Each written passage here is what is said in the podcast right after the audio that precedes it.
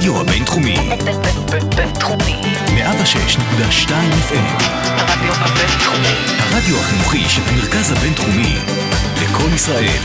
106.2 FM.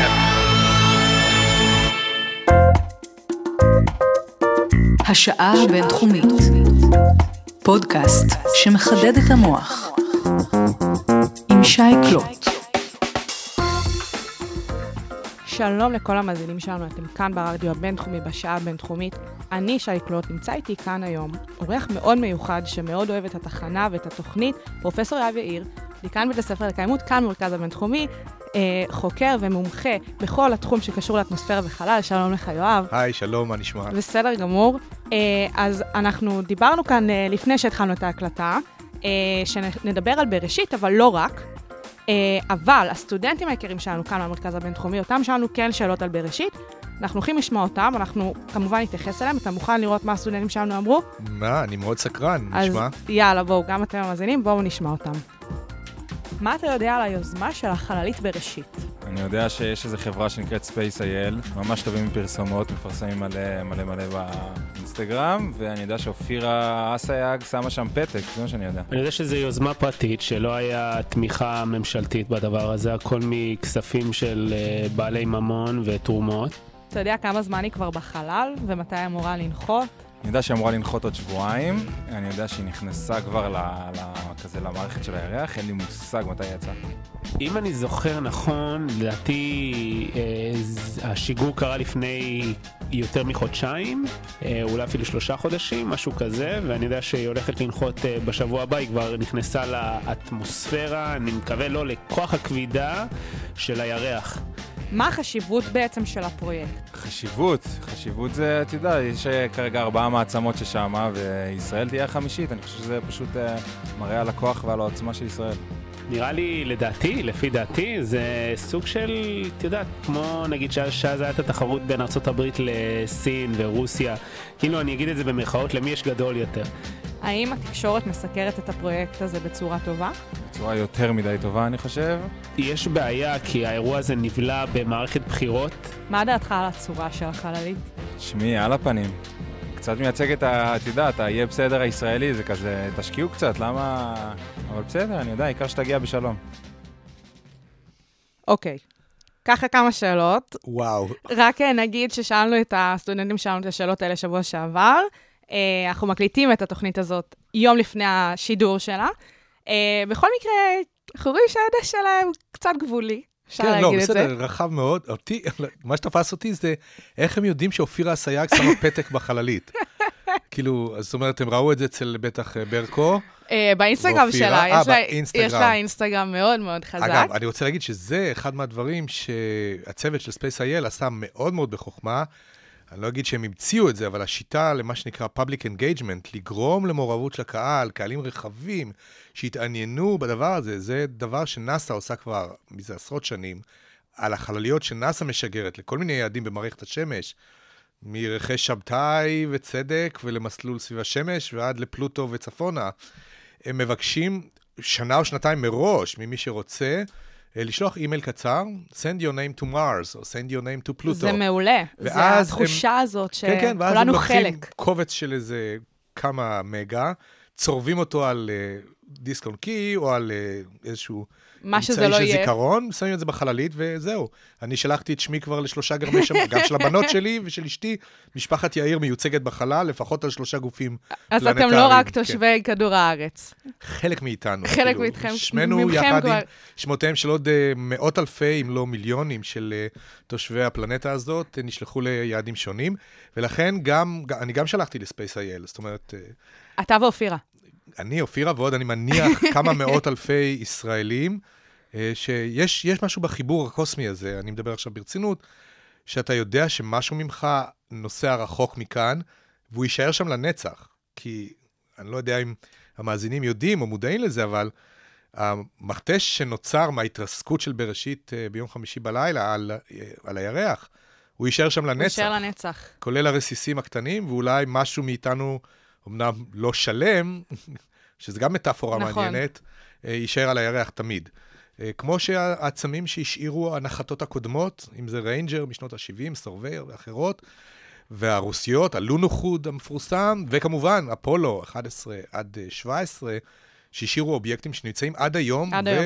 ו-forever. את יודעת, אה, אפולו 11 השאירה סמל מאוד יפה, אני, משפט שאני מאוד אוהב גם להגיד אותו, We came in peace for all mankind. זה מדהים. זאת אומרת שאם יבוא איזשהו יצור תבוני אחר, אחרי שהמין האנושי יכלה את הפלנטה שלו ואת משאביה, טוב, אני שם רגע את הכובע של דיקן בית ספר לקיימות ומזהיר את המאזינים לא לעשות את זה, אבל בהנחה שלא נישאר פה, נגיד, לנצח, ואיזשהו יצור תבוני יגיע, הוא ימצא על הירח, בין היתר, כל מיני אובייקטים כל מוזרים. מיני אובייקטים שיישארו שם דגל לעולם. הברית, אה, חללית בצורת עכביש ועוד כאלה וכאלה, ואת השלט הזה, שהוא ידע שזה המין האנושי, בשם המין האנושי לשלום, ללא כוונות... אה, אנחנו רק נקווה שהם אה, כן. יודעים לקרוא אנגלית, אה, אותם יצורים שיבואו ויראו את אותו השלט. אז בואו באמת נעשה ככה איזשהו תהליך עד שנגיע לבראשית. אה, כי באמת באיזשהו אופן אה, עצם ההתרסקות שלה קצת אה, גדעה את השיח סביבה, כפי שכבר אה, ציינת איתי מוקדם יותר. אז בואו באמת ניגע בכמה נקודות שקשורות אולי קודם לעניין של החלל, או הירח, או הטיסה והמסעות לחלל ולירח. אה, למה בעצם בני האדם כל כך רוצים להגיע לירח? מה יש באותו אה, גוש עפרפר הזה שיש לו דארק סייד, או... אין או לו מה- dark side. בדיוק. הנה, אה, אפילו פינק פלויד בלבלו את כולם. זהו, אנחנו הולכים להפריח פה כמה דברים. מה זה הדבר הזה ולמה אנשים אז כל קודם כך... כל, אה, אני אספר לך שכידוע לך, במיתולוגיות של כמעט כל הדתות העתיקות, לירח, ללבנה ולשמש יש תפקידים של אלוהויות. זאת אומרת, הם, הם ומעבריהם והשפעותיהם על כדור הארץ, אם זה בלילות חשוכים, אם זה שינוי המופעים של הירח, ליקויי הירח והלבנה, כל אלה נתפסו כמאורעות שמבשרים על סדר, שימשו כלוח שנה קדום, ולכן במוקם מסוים זכו להערצה ולפולחן. ופולחן הירח, אני יודע, אלת הציד במיתולוגיה הרומית, דיאנה ארתמיס, אלת הירח, יש לך מקדשים לאל- לאלוהי הירח בתרבויות שונות, אם זה בדרום אמריקה, טקסים של פריון, טקסים של אה, אהבה, רומנטיקה בלילות ירח. כל הדברים האלה נקשרים לתרבויות האנושיות מקדמת דנא. אנחנו יודעים גם שמחזורי המופעים של הירח, ההשפעות של הירח על הגאות והשפל, הם איזשהו מחזור שיש חוקרים הסבורים שמהדהד בגופם של יצורים חיים בכל כדור הארץ, אם זה מחזורי רבייה של אלמוגים, של אה, אה, דגים שנמצאים במים, יצורים חטאיים, ואפילו יש הטוענים מחזורי הפריון של היונקים, כולל אה, במין האנושי, אצל נשים. המחזור הזה של 27.3, 28 יממות. זאת אומרת, הוא באמת משפיע על כל הדברים החיים בעולם שלנו. תופעות טבע ואופן. הרבייה. ברור, בלי ספק. הירח הוא הבן זוג הצמוד שלנו, הוא משפיע עלינו מבחינה גיאופיזיקלית אפילו, אם את רוצה, ושוב אולי זה יבוא בהפתעה למאזינים, הוא מייצב את ציר הסיבוב של כדור הארץ. בעצם נוכחותו והכוחות הגומלין, כוח המשיכה ההדדי שהירח מפעיל על כדור הארץ, ולהפך, גורם לכך שתנודות הציר של כדור הארץ הן לא קיצוניות מדי, הן קיימות, נכון. הן הסיבה לעידני הקרח, אנחנו מבינים את זה, אבל הירח שומר על כדור הארץ יציב. זאת אומרת, הגוף הזה, שהוא יחסית קטן מכדור הארץ, הוא בסופו של דבר גורם לכדור הארץ לשמור על היציבות שלו. כן, במסלול, יציבות דינמית במסלולו סביב השמש. עכשיו, יש הרבה שאלות פתוחות על הירח. איך הוא נוצר? האם הוא חלק מהפלנטה שלנו, מכדור הארץ, שנקרא... שהתנתק. שהתנתק עקב התנגשות עם כוכב לכת אחר, קדום, שמשערים שהיה בגודלו של מאדים כיום, והתנגש בכדור הארץ הצעיר, העיף ממנו אה, רסיסים שאחר כך התלכדו והפכו לגוף נוסף. זאת אומרת, יש הרבה שאלות על אה, מוצאו של הירח. אני לא אגיד שהתיאוריות הוכרעו, היום התיאוריה השולטת היא התנגשות, והירח אכן מסקרן אותנו. גם יש לזכור שזה הגוף הפלנטרי בחלל, הוא הכי קרוב אלינו. הכי קרוב. ולכן לכאורה הכי נגיש. ושאנחנו גם רואים אותו כל יום. אנחנו רואים אותו כמעט כל יום, בשעה כזו או אחרת, נכון. חוץ ממש במולד. אה, וזהו, הסהר של הירח, הירח המלא. היום, אה, אני שם לב, אגב, בשנים האחרונות, כחלק מפולריזציה, פופולריזציה של האסטרונומיה, מדברים הרבה פעמים על סופרמון, אם שמעת את הביטוי, והרבה מאוד אתרי אה, מדע פופולרי ואסטרונומיה מבשרים על סופר מון או בלו מון, שאלה הם שמות... היה ממש השנה בארצות הברית סיפור מה זאת אומרת? זה היה בכל העולם, זה- ודאי. ושם הם, אה, אבל האמריקאים האלה, שהם קצת מסובבים, הם לקחו את כל הסיפור הזה, גם כשדיברת על הפופוליזציה של הסיפור של האסטרונומיה והחלל, הם הפכו את זה ממש לאיזה פסטיבל לא נורמלי. אה, זה נכון, אני אוהב את זה אגב. זה כיף, זה אה, כיף. אם אפשר לשמוח מדברים משמחים, למה כן, לא? תראו, השמיים הם יפים. אני חושב שאם אני אגיד במאמר מוסגר, אחד הדברים שקורים לנו, בזה שאנחנו חיים בארץ צפופה ומוארת, 93% מתושבי ישראל גרים בערים או במרחבים עירוניים, אה, אנחנו איבדנו את הקשר אל יופיים של שמי הלילה. אנחנו, רק כשאנחנו ממש מתרחקים נכון. לנגב הדרומי, או לאזורים לא מוארים וחשוכים, ואין הרבה כאלה, מדבר יהודה נגיד, או אולי איזה מצפה או שניים בגליל, אנחנו באמת יכולים לראות את השמיים כפי שקדמוננו ראו אותם, כן? כי יראה שמך מעשה ידיך, מה אנוש כתפקדנו. ציטטתי ב... בצורה ככה. מפתיעה. בלי שלא שמנו לב. לא, אבל כן, את, את מאבדת את, ה, את ההתרוממות רוח מול הגדולה של היקום של השמיים. זה משך אותי כילד, עד היום אני שם. וזה, אני מנסה, אגב, להעביר את התחושה הזאת לסטודנטים שלי, מעודד אותם לצאת ולצפות במאורעות שמימיים, החל מסופרמון, שזה סך הכל אה, מצב שבו הירח במילואו נמצא בנקודה במסלולו האליפטי, שהוא יותר קרוב אלינו. ולכן הוא נראה יותר גדול.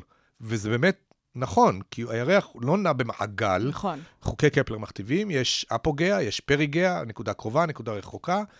המרחק הממוצע הוא 384 אלף קילומטר. בראשית כמובן לא עשתה את המסלול הקצר, בגלל אופי המשימה והתכנון של אנחנו המסלול. נדבר באמת על המסלול שלה קצת כן, אה, הם בהמשך. עשו מסלול פנטסטי ומורכב מאוד, וכל הכבוד, שאפו על הביצוע של מה שנקרא תמרוני gravity assist, או עזרה על ידי כוח המשיכה של כדור הארץ להאצה ולהגבהת המסלול בצורה הדרגתית ומחושבת, עד שהגיעו ל-400 אלף קילומטר בערך, שזה המרחק של הירח בנקודה המרוחקת מאיתנו. זה הכי רחוק. אמרנו שש... 405. אוקיי. 384 ממוצע, טוב. 371 בנקודה הקרובה. הקרובה, בדיוק. ולכן כשיוצא, אחת לכמה חודשים אגב, זה לא נדיר כל כך, שכדור הארץ והירח נמצאים במרחק מינימלי, בדיוק כשהירח במופע מלא, אז הירח נראה יותר אז הוא סופר. בשמיים, והוא מאיר יותר, והוא אה, בהיר יותר, ואז אה, יש סופרמון. עכשיו, לא בכל שנה יש סופרמון אה, ממש חזק, כי גם, גם העוצמה של הסופרמון תלויה במרחק היחסי. וגם עננות בוודאי. זה ברור, זה תמיד המאבקים הנצחיים בין אסטרונומיה לבין uh, מטאורולוגיה, בדרך כלל מטאורולוגיה מנצחת. כי יותר- הם יותר קרובים. אני יכול לספר לך קל להם. שב-2009 נסעתי יחד עם משלחת של האגודה הישראלית לאסטרונומיה לראות את ליקוי החמה הגדול האחרון שהיה כאן אה, ב-2009, 22 ביולי, ונסעתי לסין. וביום שלפני הליקוי התחיל גשם שוטף וואו. ועננים, ואני נאחזתי בכל תחזית מזג אוויר אפשרית, והייתי בטוח שלא נצליח לראות. אבל הראה לנו נס, אבל ממש בסוף. נס שנג'ן, איפה שהיינו, והשמיים נבקעו בדיוק ברגע שהליקוי המלא התחיל, כשהירח מסתיר לגמרי את השמש.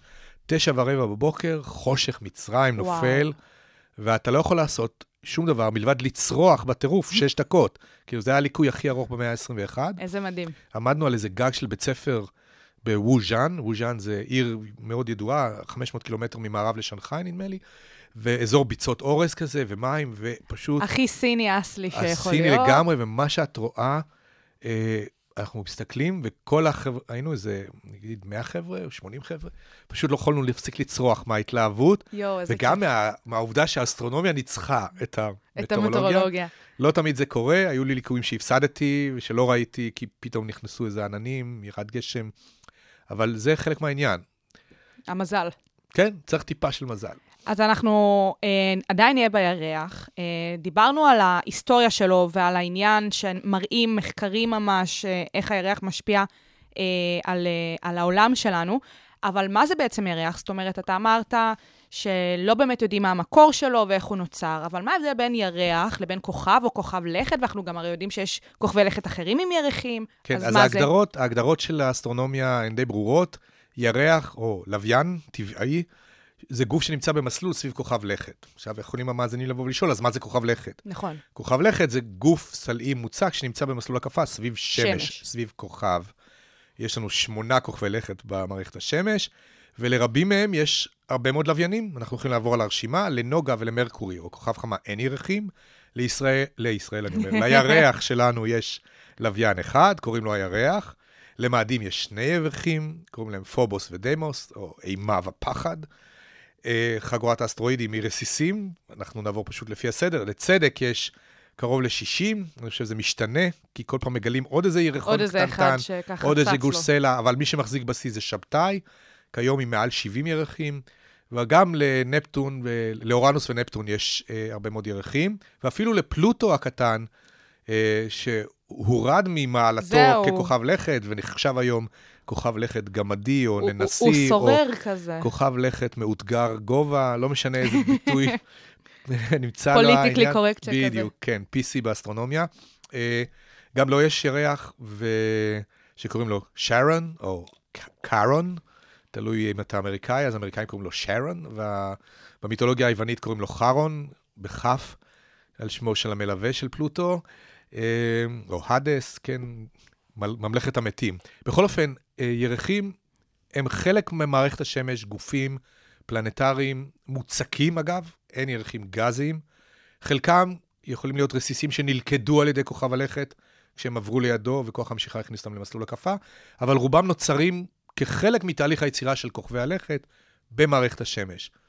אנחנו יודעים לגלות כוכבי לכת גם במערכות שמש חוצניות, כלומר סביב כוכבים אחרים. כן, שהם לא מערכת שהם לא מערכת השמש שלנו, אנחנו יודעים על אלפי כוכבים שסביבם יש כוכבי לכת משלהם, כלומר מערכות שמש חוצניות, ואנחנו מניחים שכשם שיש במערכת השמש שלנו עשרות ירחים, חלק מכוכבי הלכת, גם במערכות שמש רחוקות, יהיו ירחים שיקיפו את כוכבי הלכת באותן מערכות שמש. זאת אומרת שירח זה אולי הגוף השמימי השכיח ביותר שיש לנו בחלל?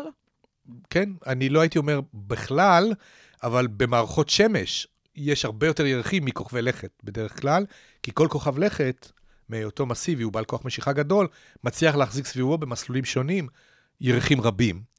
עכשיו, תארי לעצמך שאת חיה על כוכב לכת באיזושהי מערכת, שבה יש לא ירחים זעירים קטנטנים כמו בצדק, אלא אה, שישה או שמונה ירחים גדולים. שכל אחד מהם... שכל אחד מהם י- במסלול יש, אחר. אה, כן. ואז מסלולי המופעים והמשחקים ההדדיים וואו. בין הירחים הללו, זה יהיה נוף מדהים. מה זה? זה כמו לראות איזה סרט נונסטופ כזה של תופעות. לא, ודאי, את כל הזמן. עכשיו, אה, אני יכול כמובן לה- לסבך את זה עוד יותר, כי יש, מה שאנחנו יודעים, מערכות של שמשות מרובות. זאת אומרת, אנחנו נמצאים סביב שמש, נכון. שהיא כוכב בודד, אבל יש מערכות שנקראות מערכות בינאריות של שתי שמשות שמקיפות זו את זו סביב מרכז הכובד המשותף.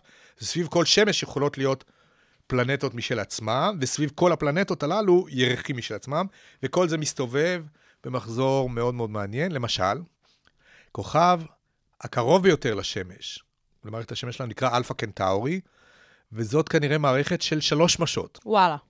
כן, אז אם, ואנחנו חושבים שיש כוכבי לכת שמקיפים את אלפא קנטאורי, ואם יש שם חבר'ה תבוניים במרכז הבינתחומי של אלפא קנטאורי, שאולי גם מקליטים שאולי תוכנית. גם להם יש תוכנית משלהם, השעה הבין-בין-תחומית, אה, להם יש שלוש שמשות בשמיים, ומי יודע כמה ירחים. וואו. זאת אומרת, כל קומבינציה שסופרי מדע בדיוני יכולים להעלות בדעתם, כנראה קיימת בגלקסיה שלנו וביקום, איפשהו. טוב, זה, זה מטורף, וכל מה שקשור לסרטים אה, עתידניים שכאלה, זה לנושא אחר, כי זה מעניין תמיד. אנחנו... דווקא אני יכול להגיד משהו בוודאי, בעניין הזה. בוודאי. רק, רק ככה שתכירי. כן, אה, הסרט אודיסאה בחלל, 2001, של סטנלי קובריק, מתחיל, בין היתר, הפרמיס שלו נכון, היא שהמין האנושי מוצא על הירח נכון, איזשהו מונוליט שחור, נכון. וזה בא מסיפור מדע בדיוני של ארתור סי קלארק, שהיה שותפו של קובריק ליצירה המופלאה הזאת, שאגב, בשנה שעברה חגגנו 50 שנה ל- לכל היצירה לסרט הזאת. עצמו, כן. וכתבתי על זה פרק באיזשהו ספר שאני מקווה שיתפרסם בקרוב. בכל מקרה, המונוליט השחור הזה, שהוא כנראה הונח שם בכוונה, נכון. על ידי תרבות אחרת. נכון, שזה כאילו מוסתר בסרט, לא מוסתר, מדברים נכון, על זה. זה בספר קיים, או בסיפור המקורי שעל סמך, אה, על סמך הסיפור הזה כתב, הוא נקרא הזקיף, הסיפור. נכון. מה הרעיון? The Sentinel, מערכת התראה מוקדמת למין תבוני שלא גר כאן, שאומרת לו ככה, תקשיב, החבר'ה האלה, שאתה עוד זיהית בשלב מאוד מאוד מוקדם של ההתפתחות, עוד כשהם רק היו קופיפים שעירים על העצים, הם הגיעו עכשיו לרמה טכנולוגית כזאת, שאפשרה להם לגלות את המונוליט שלך על הירח. שככה מתחיל הרי הסרט. בדיוק. עם הקופיפים, אותם קופיפים שרק... נכון, אה, אז למעשה יש פה איזשהו רעיון ממש מבריק של, אה, של קלארק וקובריק, אה, להשתמש בירח כאיזושהי אה, תחנת משואה, מפגש שכזו. בדיוק, משואה או מגדלור שנותן אותות התראה, כן? לאותו מין תבוני, שאומר, בני האדם, או המין הזה שהתפתח על סוף כוכב סוף הלכת, הצליחו. הגיעו לירח. עכשיו, אתם יכולים לחשוב עליהם בתור שותפים עתידיים, או שאולי אויבים. שכאלה. נכון, או מתחרים עתידיים על ווטאבר. ואולי מכאן הגיע גם הרעיון אה, של אותם אסטרונ... אה, אסטרונאוטים מהפועלו 11 להניח את אותו שלט, אני חושב שזה, שזה... אולי נבע מהסרט ומהרעיון של הספר. כן, האמת היא שקובריק הקדים בשנה נכון. את הנחיתה על הירח, אבל הוא הכיר היטב את ה... מה שנאסא עושה ואת מה שנאסא מתכננת. היה פה מין מנגנון מאוד מאוד מעניין של השראה הדדית בין יוצר קולנועי גאוני, גאוני. וסופר, מדע בדיוני גאוני לא פחות, לבין מהנדסי חלל, ו... ובסופו של דבר אסטרונאוטים ואנשים שטסו לחלל. באותם שנות ה-60 של מרוץ לחלל, כי הם התחילו לחשוב על הסרט כבר ב-64, כשרק התחילו טיסות נכון. מאוישות בפרויקט ג'מיני נכון, ומרקורי. ורק בשנת 65 בעצם קנדי הצליח לשנות את אותה דעת קהל שהייתה כל כך חשובה לו בארצות הברית, הוא היה כבר מת ב-65, אבל, אה, אבל אז זה באמת- ב-63 הוא התחיל את הדרך אל הירח בנאום המפורסם שלו, Before this decade is out, we'll put a man on the moon and return him safely to earth. זה לא חוכמה לנחות על הירח כמו שראינו, ולא לחזור בשלום. ונכון, ועוד כן. אנשים. כן. אז, אז זה היה אה, עידן פשוט מדהים.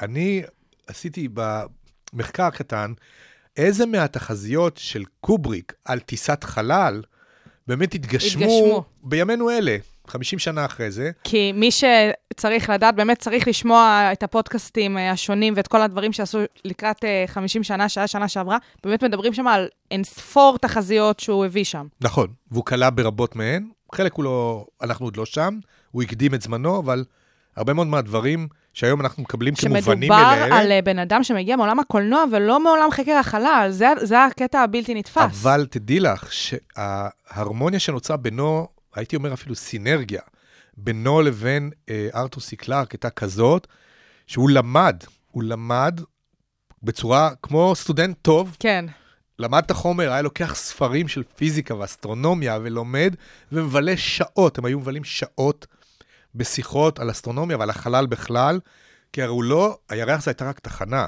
אם את זוכרת את הסרט, הם גם נכון, טסו נכון, לצדק. נכון, לצדק. צעדו לצדק, ולמרות שבהתחלה הוא רצה לטוס לשבתאי, בקונספטואלית, ואנשי הספיישל אפקטס אמרו לו ששבתאי מסובך מדי להדמיה באמצעים שהיו אז, בשנות ה-60. אז הם בסוף את הסרט עשו על צדק. מטורף. אז אנחנו נמשיך הלאה ככה במסע החללי שלנו. אה, נדבר באמת עכשיו על העניין של טיסה לירח, או טיסה לחלל. אז אתה הזכרת כבר אה, ממש לפני כמה דקות את עניין המרוץ לחלל של המעצמות הגדולות בשנות ה-60, שהתחילו בעצם בשנות ה-50 אפילו. כל מה שקשור למלחמה הקרה בין אה, ברית המועצות וארצות הברית. אה, אז בואו רגע נעשה מין סקירה היסטורית, או באמת מין בריף שכזה למאזינים שלנו. מתי החליטו שהמרוץ לחלל ומי שמנצח בו הוא בעצם זה שמנצח את המלחמה הקרה? אני לא חושב שהחליטו על זה מראש, אבל זה היה מרוץ על עליונות ועל טכנולוגיה, ובמשתמע אה, על, על דומיננטיות גלובלית.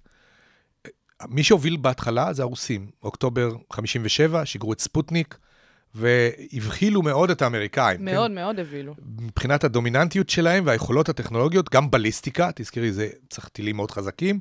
מה שאתה משגר לחלל, אתה באותה מידה יכול פשוט להוריד את הזווית ולשגר intercontinental, ballistic כן. missile, והופ, אתה ניו יורק על הכוונת. ברור שהאמריקאים נכנסו לחרדות מטורפות על רקע המקארתיזם והפחד מקומוניזם ועל מאבקי שליטה גלובליים post World War 2. אז אה, הם הקימו את נאסא ב-58, והפכו את זה מ- ליעד מרכזי ל- לקנות uh, את הטכנולוגיה ואת השליטה במרוץ המתפתח.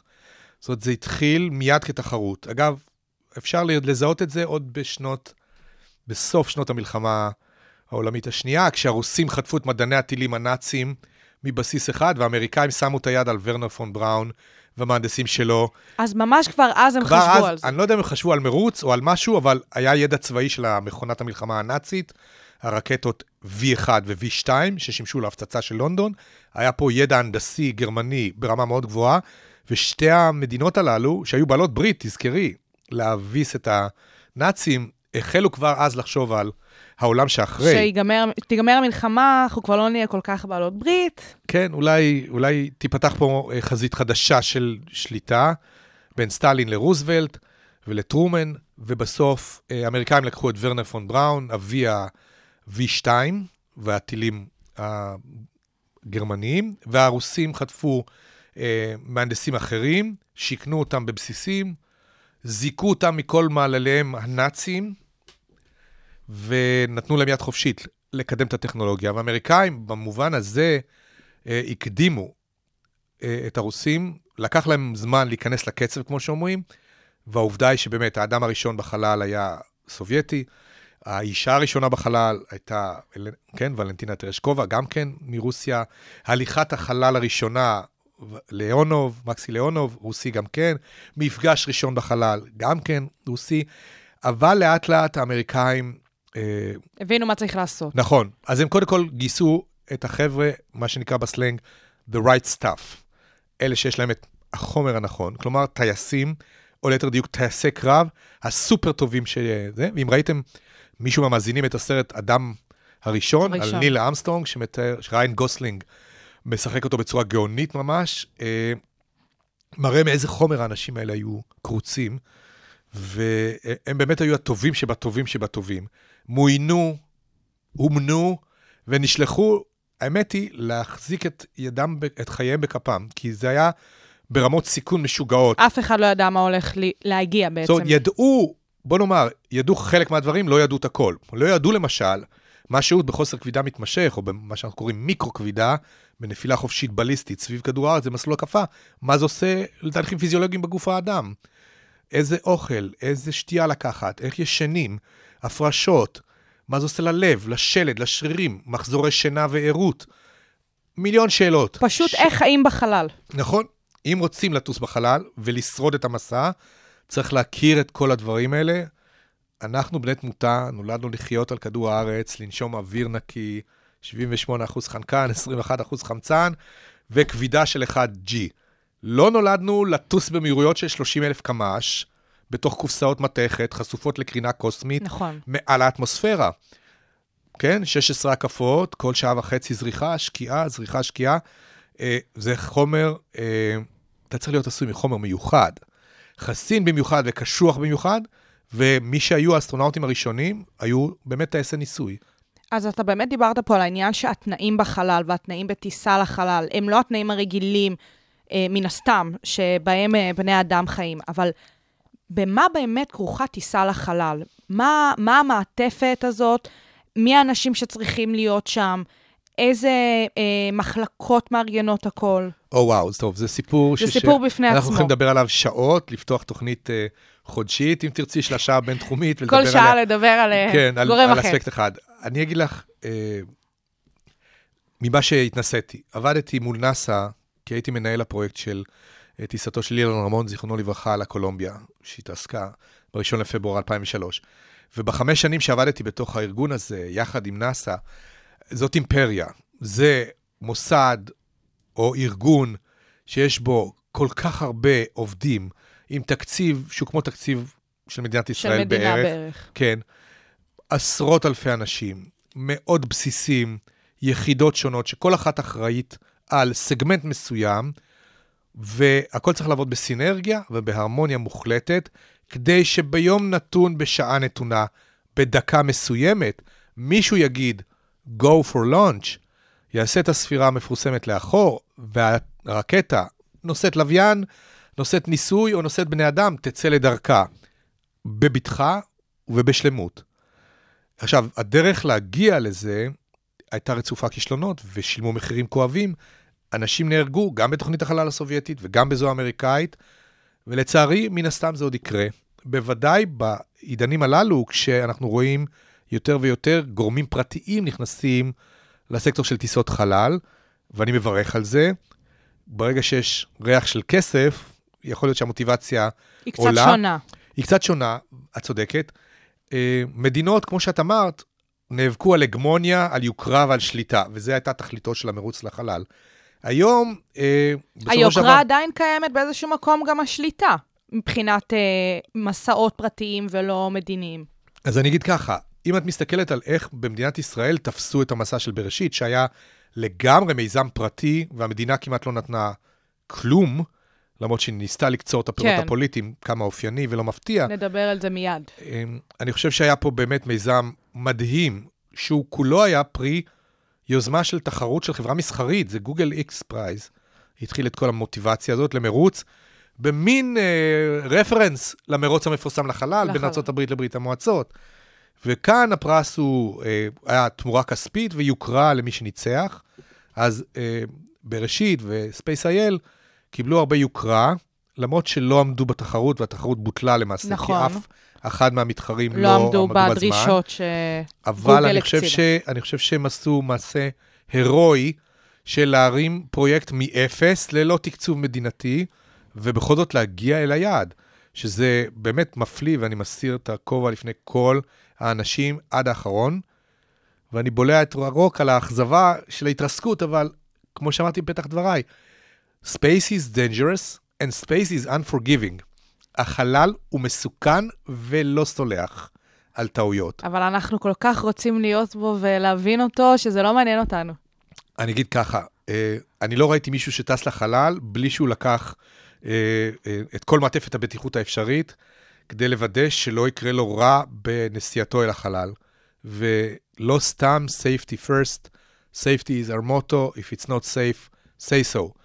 הנושא של בטיחות והבקרה על הציוד שלך, על החללית שלך, על התקשורת, המזון ושלמות אנשי הצוות ובריאותם, היא דבר ראשון במעלה. זאת אומרת, אין פה שום פשרות.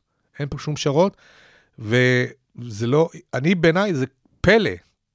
אולי הדור שלכם, של המאזינים, כבר התרגל לזה. אבל אני גדלתי כנער בפתח תקווה בשנות ה-60, ומרוץ החלל שאת מתארת, אני חייתי אותו. הייתי גוזר חתיכות מהעיתונים. יש לי מחברת עד היום, לא הבאתי לאולפן, עם גזירי עיתונים שהייתי כל ידיעה על חלל אה, שהתפרסמה, הייתי גוזר ומדביק במחברת. יש לי כזאת מחברת שמנה. אה, אתה עדיין עושה את זה? הפסקתי. לא, לא צריך, אבל אני חושב שיש לזה ערך. אה, זה מקסים. כן, ת- עכשיו, ובאמת, זה היום, משהו היום זה לגדול נתפס עליו. כמשהו מובן מאליו, זה ברור שאנשים עולים על חללית אי שם בבייקונור, נכנסים לסויוז, שזה יותר קטן ממיני מיינור, יושבים שלושה חבר'ה עם חליפות, ו... מישהו לוחץ על כפתור ו... כן, מישהו סופר לאחור ברוסית, ותוך שמונה דקות החבר'ה האלה בחלל. אז ככה, אה, לפני שבאמת ניגע בבראשית כמו שצריך, שאלה אחרונה ככה על עניין הטיסה לחלל כטיסה לחלל. אה, הנחיתה הראשונה לחלל קרתה בעצם אה, בשנת אה, 1966, נכון? בפברואר 1966, אה, לונה 9 הסובייטית. אה, אז אנחנו מדברים בעצם על אה, לפני 53 שנה. איך זה הגיוני שמאז ועד היום הנחיתות הן לא נחיתות בטוחות? זאת אומרת, כמו שהיום כל מטוס שממריא נוחת חוץ מפעמים בודדות, איך זה הגיוני שעדיין לא כל חללית שטסה מכדור הארץ לא נוחתת על הירח? שוב, כמו שאמרתי, החלל הוא מסוכן והחלל הוא לא סלחן. יכולים לקרות הרבה מאוד דברים לחללית בדרך אל היעד שלה, ואני יכול לתת כמה דוגמאות להתרסקויות מפורסמות, או למשימות שפשוט לא הצליחו לח... אה, לבצע את מה שתוכנן מסיבות שונות, שלא תמיד יש לנו שליטה עליהן. את, אם את רוצה לדבר על טיסה מאוישת שכמעט הסתיימה באסון קטסטרופלי בדרך לירח, כולם מכירים את כן. הסיפור של אפולו 13. גם על זה והסרט- יש סרט. סרט נהדר, שאגב נכתב לפי הספר שכתב מי שהיה מפקד הטיסה, והספר נקרא Lost Moon, ירח אבוד של ג'יימס לאוול, שהיה מפקד של אפולו 13 וראה את חלומו מתנפץ, בגלל שנשרף רכיב של טרנזיסטור שעולה עשרה דולר, איזשהו נגד או חלק אלקטרוני. בעת ליד- ההמראה. ב- לא, זה קרה להם בדרך לירח כשהם עשו איזושהי פעולה של switch לערבב את מכל החמצן. והיה קצר, ובום, זה התפוצץ ושבר להם את החללית, כמעט ריסק אותם לחל... לרסיסים, והם באופן פלאי של תושייה של מהנדסים ואסטרונאוטים, הצליחו לחזור ממצב אבוד לגמרי. אבל שוב, הם לא יכלו לעלות בדעתם, אפילו עם כל האימונים שהם עשו וכל התרחישים של מקרים ותגובות שאנחנו מתאמנים עליהם ומלמדים אותם, זה היה משהו out of the box לגמרי. אותו דבר יכולים לקרות מסיבות שבכלל לא קשורות למערכות שאנחנו בנינו, בדקנו והטסנו לחלל. יכול להגיד איזה רסיס של מיקרו-מטאור שיגיע מאיפשהו מקום במערכת השמש, כמו בולט, כן? סילבר כן, בולט, בוודאי. כדור, פשוט ינקב חור קטן באחד מהמערכות, ישבית את, ה, את החללית שלנו, התפרצות שמש אנרגטית, סערה בשמש, זאת תזרוק עלינו אומרת פלזמה לוהטת. שבאמת יש לנו כל כך הרבה סיבות שאנחנו פשוט לא יכולים לחזות אותן מראש, נכון. שיכולות אה, לשבש את להפך, אני הטיסות חושב הללו. שכל נחיתה מוצלחת, כל משימה מוצלחת היא פלא. היא נס פלא. בפני עצמה. ממש. אני לא אגיד נס, אה, אין פה divine intervention, אבל זה באמת, וואו. כאילו, להגיע ליעד, זה כבר לנווט חללית במסלול בליסטי מורכב מאוד, עם תמרונים סביב כדור הארץ, אל אה, ירח שנמצא במסלול סביב כדור הארץ, ליירט נקודה עתידית, כן, את משגרת בפברואר ורוצה להגיע באפריל. באפריל. זאת אומרת, את צריכה לתכנן לנקודת מפגש עתידית, אז פה זה נגיד מסע של חודשיים. אבל תארי לעצמך, למשל היבוסה 2, חללית יפנית, שעכשיו נפגשה עם אסטרואיד, כן. הם שיגרו אותו למסלול התנגשות סביב האסטרואיד הזה, כשהם יודעים מתי הוא יהיה, איפה הם רוצים להיות, לנחות עליו, לקפץ, להביא דגימה חזרה, לירות עליו איזשהו טיל ולגרום לפיצוץ.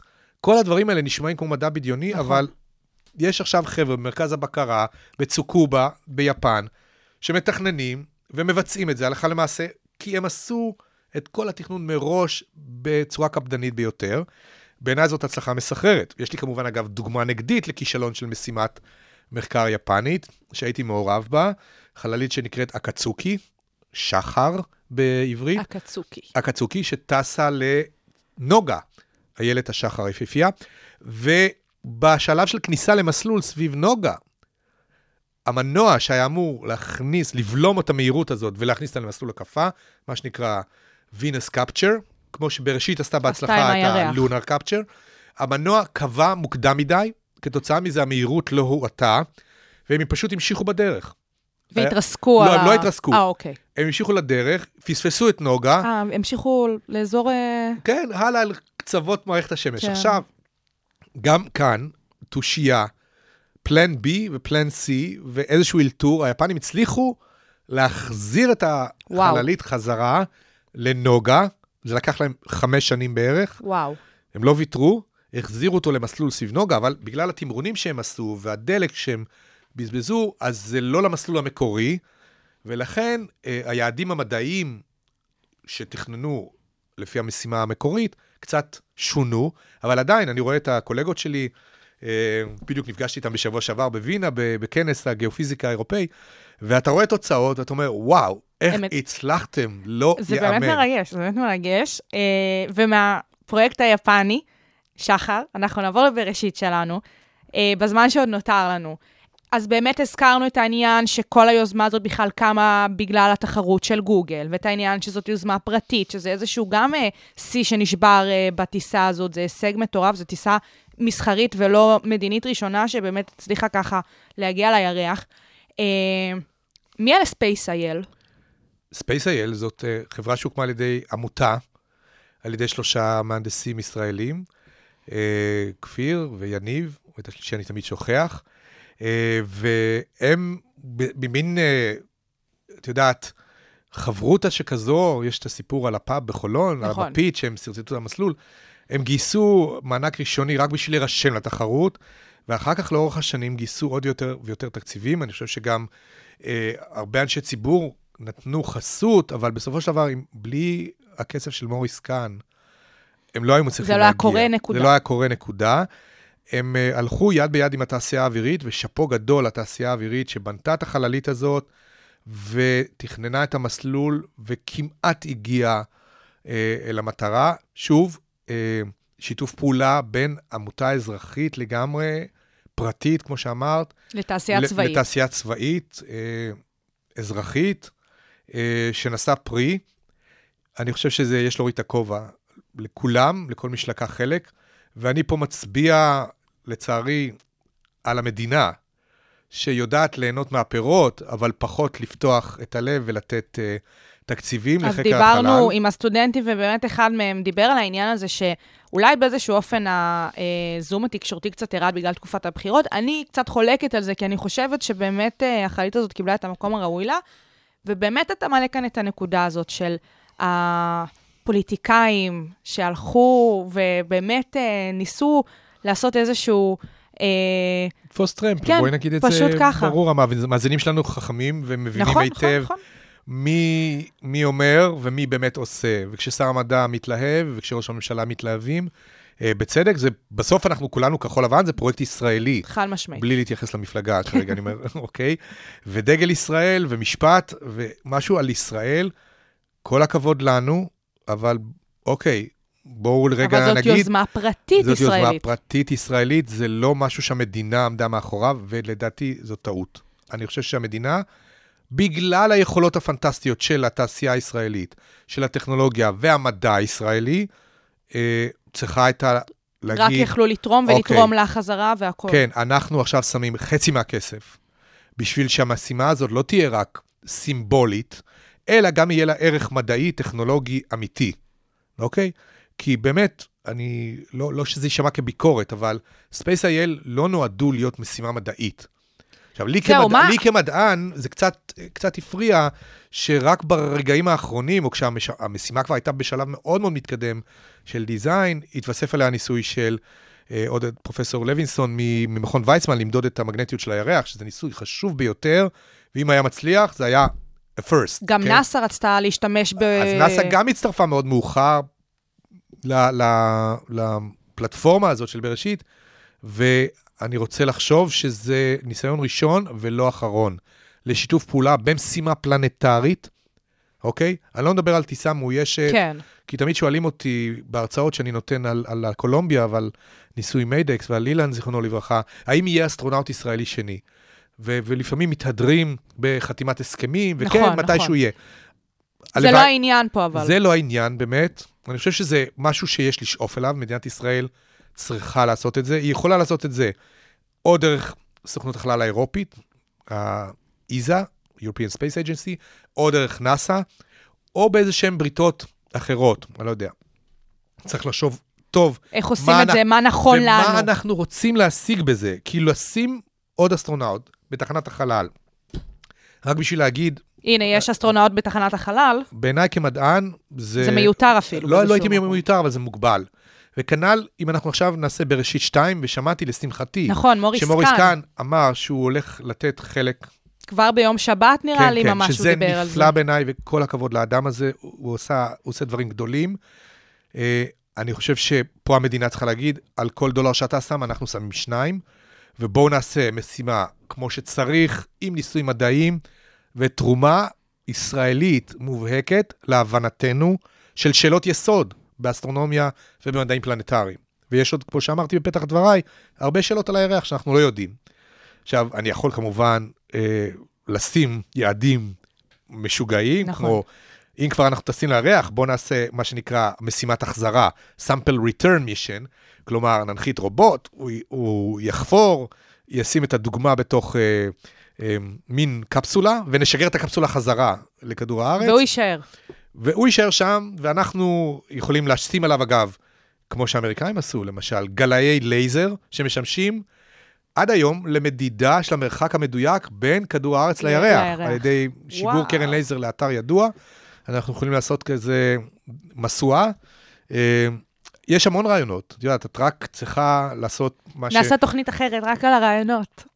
אני בשמחה, אגב, Start-Up Nation, לא סתם, את יכולה לחשוב על הירח לא רק כעל גוף סלע אפרפר, כמו שאת אמרת, שאנחנו אוהבים אותו ואולי סוגדים לו ואולי אה, אה, מתאהבים לאורו, אנחנו יכולים לחשוב עליו כעל מקום לסטארט-אפים שיכולים לעשות הרבה מאוד דברים שאנחנו מתקשים לעשות על כדור הארץ, ויותר קל לעשות אותם בחלל או בכבידה בכבידה... נמוכה יותר, שישית מכוח המשיכה של כדור הארץ.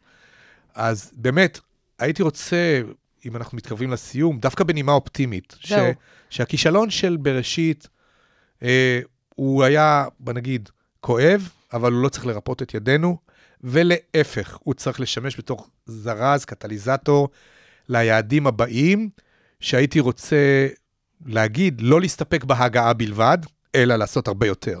שזאת רק ההתחלה. אני רוצה להאמין שזאת רק ההתחלה. יש לתעשיית החלל הישראלית כל כך הרבה יכולות, ש, שבראשית לא השתמשה בהן, כן? אם את מסתכלת על חברות כמו SpacePharma, שמגדלת uh, גבישים, או עושה דברים מיוחדים בתנאי מיקרו-כבידה בתחנת החלל הבינלאומית, או חברות אחרות מסוגה, יש פה המון עניין, ועוד לא דיברתי בכלל על הפלטפורמה החינוכית, נכון. ש, שבראשית היא עשתה את מה שנקרא The Apollo Effect. נכון. אני רוצה לקוות על דורות של ילדים וילדות שנמצאים עכשיו בבתי ספר וחולמים על... וגם הם עכשיו פותחים מחברת וגוזרים כל מיני ידיעות על החללית הזאת, כן, ואולי יהיו יום אחד הדיקנים פה שומרים, של להם- בית ספר שומרים להם, לקיימות. את יודעת, כן.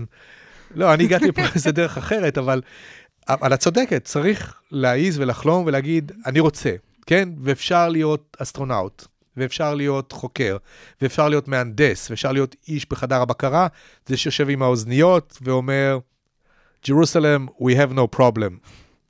איזה כיף, הלוואי שזה באמת יקרה. פרופסור יואב יאיר, דיקן בית הספר קיימות כאן בבינתחומי, המון המון תודה לך, אני מקווה שבאמת המאזינים שלנו למדו המון על הירח, על החלל, על בראשית. אה, אז תודה לך. בשמחה. ואתם המאזינים שלנו, אה, תודה שהייתם כאן איתנו בשעה הבינתחומית, אני הייתי שי קלוט, מוזמנים להיכנס לאתר, להוריד את האפליקציה שלנו. תהיה לכם האזנה נעימה ויום מקסים.